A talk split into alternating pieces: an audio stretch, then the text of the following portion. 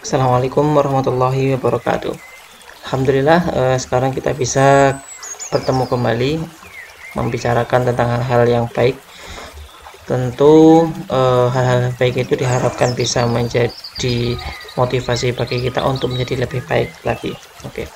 Pada episode ketiga kali ini kita akan membicarakan tentang eh, bagaimana sifat manusia itu beberapa orang ketika melihat atau mendengar bahkan e, ketika mengetahui masjid-masjid ditutup pada masa pandemi ini itu.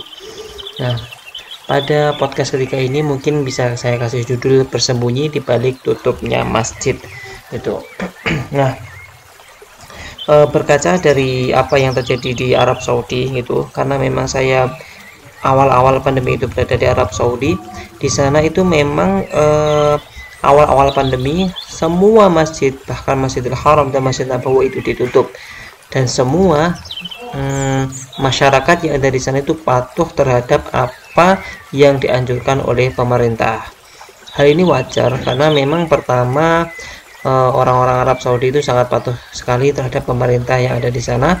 Kemudian yang kedua mereka itu sebenarnya tetap rindu untuk sholat di masjid gitu. Namun karena memang keadaan memaksa, akhirnya mereka tidak sholat di masjid namun mereka tetap menjalankan sholat di rumah masing-masing gitu nah ketika saya sampai di Indonesia paradigma ini menjadi berubah di Indonesia sendiri mungkin bisa saya kategorikan menjadi tiga golongan orang-orang yang eh, memberikan pendapat tentang apa namanya bagaimana sikap seharusnya ketika masjid ini ditutup gitu. Yang pertama orang-orang yang mengatakan bahwasanya ya ketika memang masjid ditutup ya kita mengikuti anjuran pemerintah gitu. Anjuran pemerintah untuk tidak sholat di masjid ya ini insya Allah pendapat yang bisa diterima juga. Karena memang menurut Al-Imam Ghazali bahwasanya sholat berjamaah itu termasuk mukamil dari daruratuddin. Mukamil itu pelengkap dari e, kewajiban agama pelengkap saja. Sedangkan hifdun nafs atau menjaga diri dari virus ini itu termasuk kewajiban. Sehingga apabila antara kewajiban menjaga diri dan pelengkap itu bertabrakan maka kewajiban menjaga diri itu lebih diutamakan.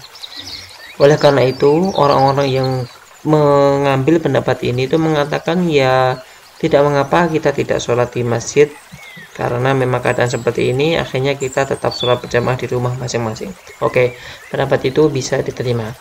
Kemudian yang kedua ialah orang-orang yang mengatakan bahwasanya ya saya tetap sholat di masjid itu alasannya ialah karena Allah Subhanahu wa taala itu sudah mewajibkan bagi muslimin terutama yang laki-laki ini untuk sholat di masjid.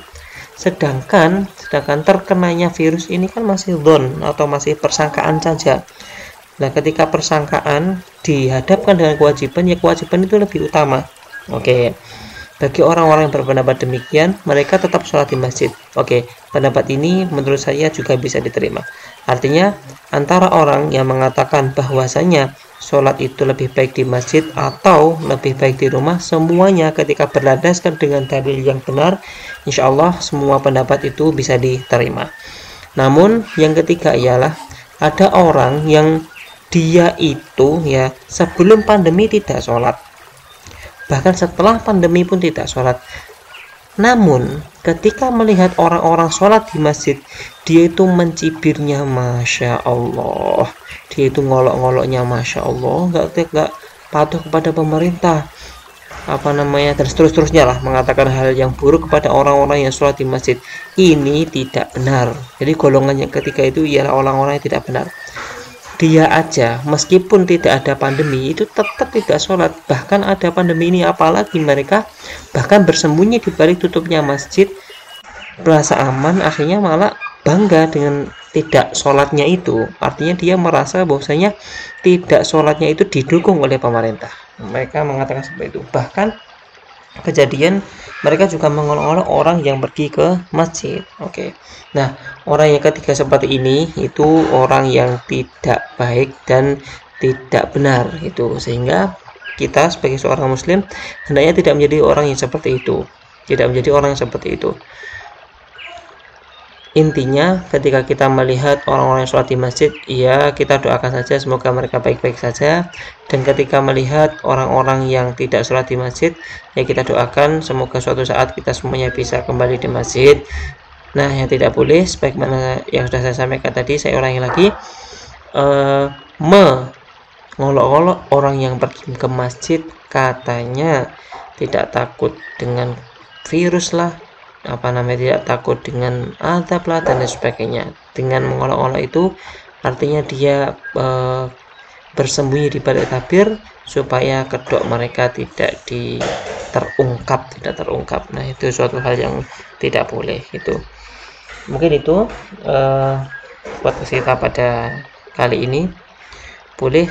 Kalau ada setuju juga nggak apa-apa. Kalau tidak setuju juga tidak mengapa.